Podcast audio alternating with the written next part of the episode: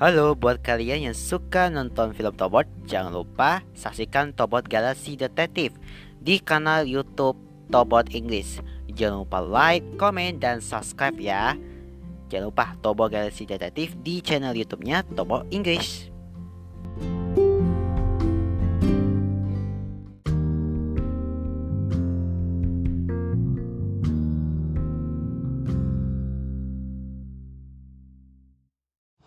Assalamualaikum warahmatullahi wabarakatuh Halo sahabat Telekom semuanya Apa kabar kalian? Semoga kami harapkan dalam keadaan sehat selalu Tetap jaga kondisi, tetap jaga kesehatan, tetap semangat Dan semangat puasanya dan selamat sahur dan selamat datang di podcast berbagi cerita Thailand Ramadan yang hadir setiap hari menemani kamu selama bulan Ramadan di Spotify.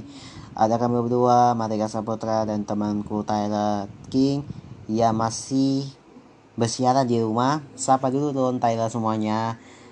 Dan mudah-mudahan kita kita harapkan dalam keadaan teman-teman jaga sehat selalu, tetap jaga kondisi, tetap jaga daya tahan tubuh, minum apa namanya ya, lagi olahraga lah maksudnya ya, dan juga kurangilah aktivitas yang tidak penting, oke? Okay? Kali ini gua akan mau membahas, aku akan membahas satu topik yang akan kami bawakan untuk anda tentang masih tentang suasana Ramadan ya, kegiatan ngabuburit di bulan puasa. Nah, ini dia nih. Sahabat saya pernah ya, Ramadan tahun lalu itu itu pasti diselimuti wabah virus corona. Ya halasilah pemerintah masih mengimbau masyarakat untuk membatasi aktivitas di luar rumah. Hal ini perlu masyarakat lakukan guna memutus penyebaran virus dan kasus COVID-19 bisa menurun. Namun himbauan pemerintah tersebut sudah mengalami kelonggaran uh, beberapa belakangan ini ya. Apalagi kan aktivitas masyarakat di luar rumah sudah kembali normal asalkan mematuhi prokes protokol kesehatan. Nah apalagi kan ketika memasuki bulan Ramadan kegiatan ngabuburit kan mas di luar rumah kan sudah membuat jalannya menjadi macet gitu. Ada yang berburu tajil lah, ada yang pula sedekah jalan-jalan sore Nah, meski begitu, tetaplah berada di rumah. Tetap berada di luar rumah, jalan-jalan, atau beli tajir di kerumunan saat berisiko terkena paparan ini. Tapi untuk itu, berada di rumah saja itu menjadi pilihan yang tepat ya. Bahkan ada bisa ngabuburit di rumah saja dengan melakukan beberapa kegiatan yang seru dan menyaksikan. Sambil menunggu waktu berbuka puasa apalagi masih menyantap sahur ya. Nah berikut ada beberapa kegiatan ngabuburit yang bisa dilakukan di rumah. Yang pertama, menonton film serial favorit atau nuansa islami. Menonton film serial favorit. Sahabat halal, menonton memang menjadi salah satu kegiatan yang disukai banyak orang kan. Baik itu orang dewasa hingga anak kecil sekalipun. Tapi ngabuburit kali ini bisa kamu isi dengan menonton film serial favorit bersama keluarga, entah itu yang bergenre drama, action, komedi, atau yang lainnya ya. Bukan hanya itu saja, kamu dan keluarga juga bisa menonton film yang bernuansa islami. Seperti My Name is Khan, Harum dan Langga, ketika Cita Betasbi, Ayat-ayat cinta, 99 cahaya di langit Eropa, sejarah Islam, kisah-kisah para nabi, dan masih banyak lagi. Yang kedua, tadarusan. Jadi pada umumnya, selain menjalankan ibadah puasa penuh hingga 30 hari, nah umat Islam itu juga melengkapi ibadahnya dengan mengakamkan kitab suci agama Islam yaitu Al-Quran. Mengaji, tadarusan, barengan bersama keluarga juga bisa e, dijadikan sebagai ngabuburit ya. Jika tadarusan itu dilakukan dengan rutin setiap hari ya, maka 30 juz itu bisa diselesaikan dalam waktu 30 hari menonton ceramah. Ya, agar ilmu agama kamu dan keluarga terus bertambah, pasti tidak ada salahnya ya isi ngabuburit dengan menonton ceramah di stasiun televisi. Nah, di, di setiap bulan Ramadan ini kan hampir semua stasiun televisi menyuguhkan siaran ceramah yang diisi oleh para para ustaz ya ternama di Indonesia kan. Nah, selain itu, saat ini banyak ustadz dan ustazah yang sengaja membuat kanal YouTube atau channel YouTube ya ya untuk membagikan ilmu agama Islam. Nah, jadi kamu dan keluarga hanya tinggal mencari nama ustadz atau ustazah atau mencari topik Islam yang diinginkan. Nah, berolahraga bersama di rumah. Jadi, olahraga bersama di rumah. Jadi, jika biasanya kamu dengan keluarga melakukan olahraga jogging atau jalan santai keliling kelompok rumah atau untuk kali ini lakukan ngabuburit olahraga di rumah saja ya. Jadi banyak olahraga ringan yang bisa dilakukan bersama mulai dari yoga, perenggangan tubuh, aerobik, dan lainnya. Yang kelima, masak menu buka puasa. Jadi daripada membeli menu masakan untuk buka puasa di luar rumah, mending masak sendiri bersama keluarga. Tak hanya membuat ngabuburit menjadi lebih seru, tapi masak sendiri itu ya juga lebih terjamin kebersihannya dan tentunya rasanya juga lebih lezat. Banyak menu pilihan yang paling cocok untuk buka puasa mulai dari kolak, sayur tumisan, atau berkuah, lauk paut, hingga membuat minuman segar. Tapi Ingat ya, waktunya sebelum buka puasa ngabuburit. Jangan pas yang hari, aduh batal dia puasa gitu kan. Jangan ya. Jangan ditiru. Jadi yang keenam, membuat camilan kekinian. Jadi bagi sahabat Tyler yang belum mengantuk setelah sholat tarawih di rumah, biasanya kan kamu dan keluarga kan akan menonton serial TV bersama dan ditemani dengan camilan-camilan kekinian Nah, camilan ini bisa dibuat di saat sore hari sambil kegiatan ngabuburit. Nah, banyak ragam camilan kekinian yang bisa kamu buat tentunya dengan bahan barang yang sederhana. Misalnya, pai keju, mini risol, martabak mini, risoles, puding koleo, keripik kentang, agak-agak buah, tahu isi bakso, dan masih banyak lainnya. Berkebun. Berkebun. Jika di rumah kamu memiliki halaman kosong, ubahlah menjadi kebun menjadi ide yang bagus. Waktu berkebun ini bisa kamu dan keluarga lakukan saat bulit pada sore hari. Tanamlah pohon yang lindan, pohon buah, sayur mayu, atau juga bunga-bunga. Mini kebun yang kamu dan keluarga buat akan menjadi pemandangan yang lebih indah dan hasil kebun bisa dipanen dan langsung dimasak. Buat kerajinan tanam. Ya daripada hanya mengomong saja ya lebih baik ngabuburitnya dengan membuat kerajinan tangan sambil menunggu waktu buka puasa. Jadi kerajinan tangan ini bisa langsung kamu pajang untuk menghiasi dinding atau meja pojok ya yang ada di rumah. Tapi jangan salah, hasil kerajinan tangan itu juga bisa kamu jual. Ada banyak ragam kerajinan tangan yang bisa kamu coba buat dengan bahan-bahan bekas. Misalnya saja ya buat anyaman dari kolam bekas, kemudian kamu cat dengan warna yang cantik bingkai foto dari stik es krim lampu hias dari botol pok bunga dari botol bekas yang dicat dan sebagainya bermain game kegiatan yang beli lainnya adalah bermain game ya jadi banyak game keluarga yang bisa dicoba baik online ataupun online game onlinenya seperti ya itulah ya bisa yang lagi ramai gitu ular tangga dan sebagainya. Jadi sementara game keluarga lainnya yaitu unus kanos, tebak te, teka-teki, congklak, biji bekel, apalagi apa ya namanya ya. Uh, huda main peta umpet segala macam dan masih banyak lainnya ya. Main tok tok. Jadi main tok tok itu jika kamu dan keluarga aktif dan suka berjoget, main tok tok itu bisa menjadi pilihan yang tepat untuk mengisi waktu ngabuburit di rumah. Pilihlah gerakan toto itu yang menarik yang bisa dilakukan bersama keluarga. Jangan lupa edit dan tambahkan dengan fitur totok lainnya, oke? Okay? Nah, pilihlah kegiatan yang disukai ya, meski di rumah saja bukan berarti kamu dan keluarga tidak bisa melakukan apa-apa saat ngabuburit. Banyak kegiatan lainnya yang bisa dilakukan bersama keluarga agar tidak bosan. Lakukanlah kegiatan ngabuburit di atas secara bergantian di setiap harinya dan pilihlah kegiatan ngabuburit yang paling seru, yang paling suka, yang paling bermanfaat buat kamu supaya dapat pahala. Itu tadi tips-tips yang tentang kegiatan ngabuburit di rumah saja ya.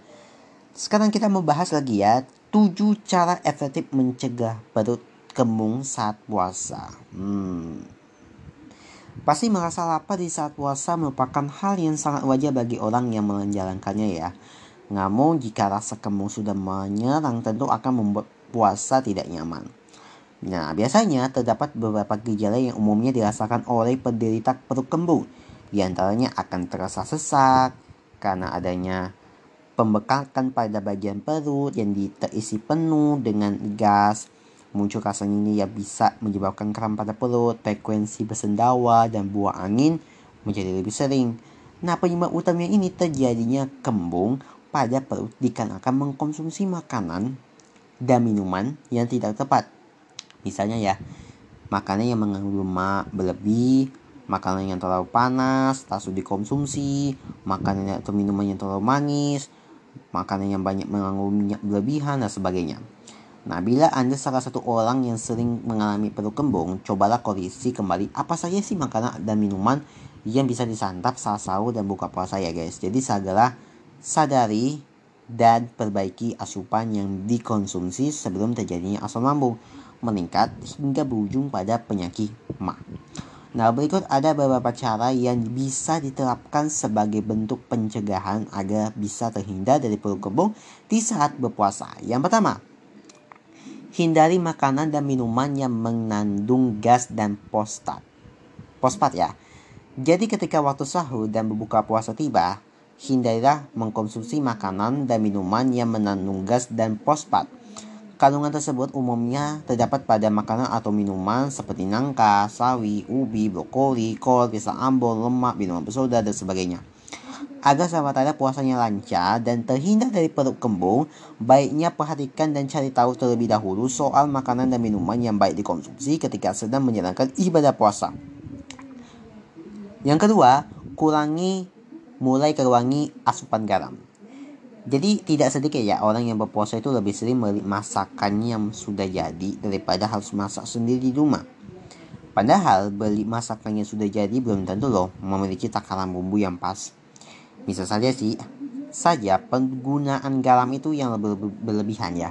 Jadi hal ini tentu tidak sehat ya karena kandungan yang terdapat pada garam itu seperti sodium dan natrium klorida dapat mengikat garam yang di dalam perut itu sekaligus bisa menjadi pemicu perut kembut.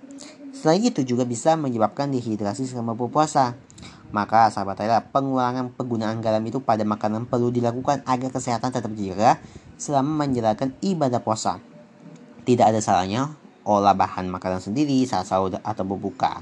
Dengan begitu, Anda bisa memperkirakan penggunaan bumbu pada masakan. Konsumsi buah stroberi. Jadi stroberi ini merupakan salah satu buah yang sangat memberikan banyak manfaat ya. Selain untuk kecantikan, buah ini memiliki rasa manis asam ini juga sangat baik untuk menjaga kesehatan terutama pada pencernaan apalagi saat puasa ini kan Buah ini mengandung berbagai macam nutrisi yang salah satunya produksi bisa mengurangi gas pada perut yang menjadi penyebab ke perutnya kembung. Anda bisa juga menyantap secara langsung atau diolah menjadi minuman jus segar. Penuhi asupan air dalam tubuh. Jadi mengingat saat berpuasa akan membutuhkan cairan lebih banyak daripada biasanya ya.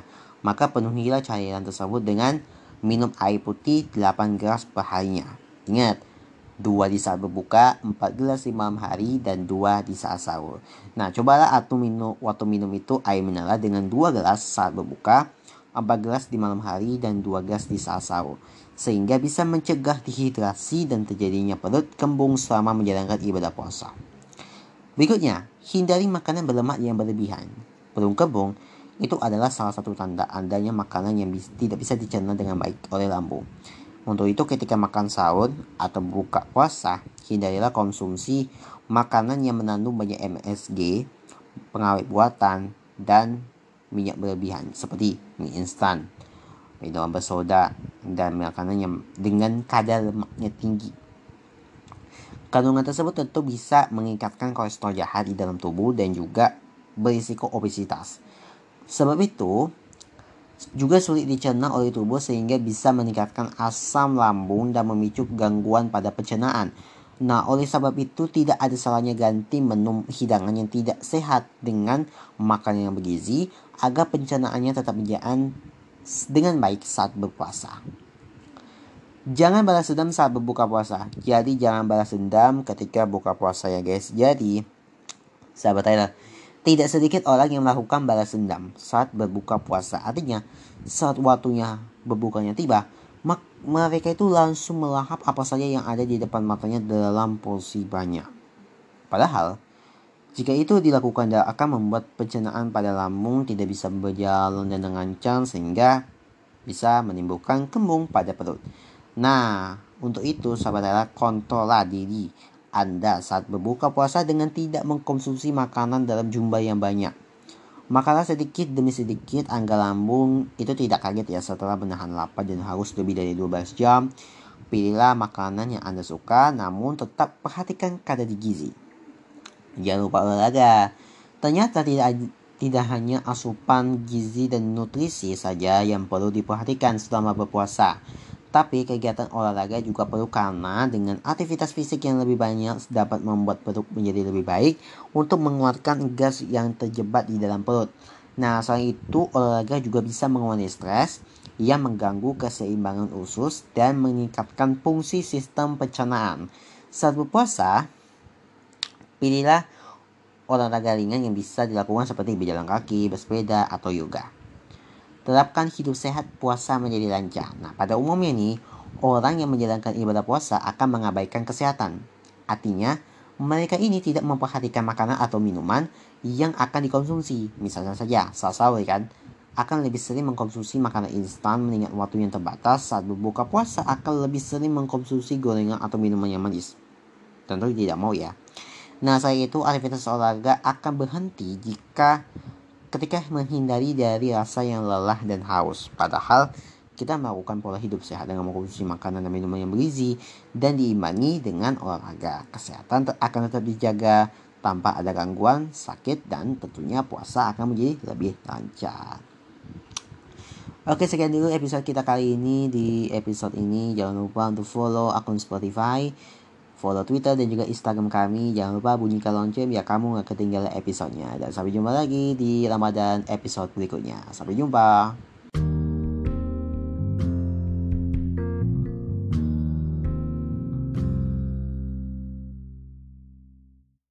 Berbagi cerita Tyler hanya di Spotify.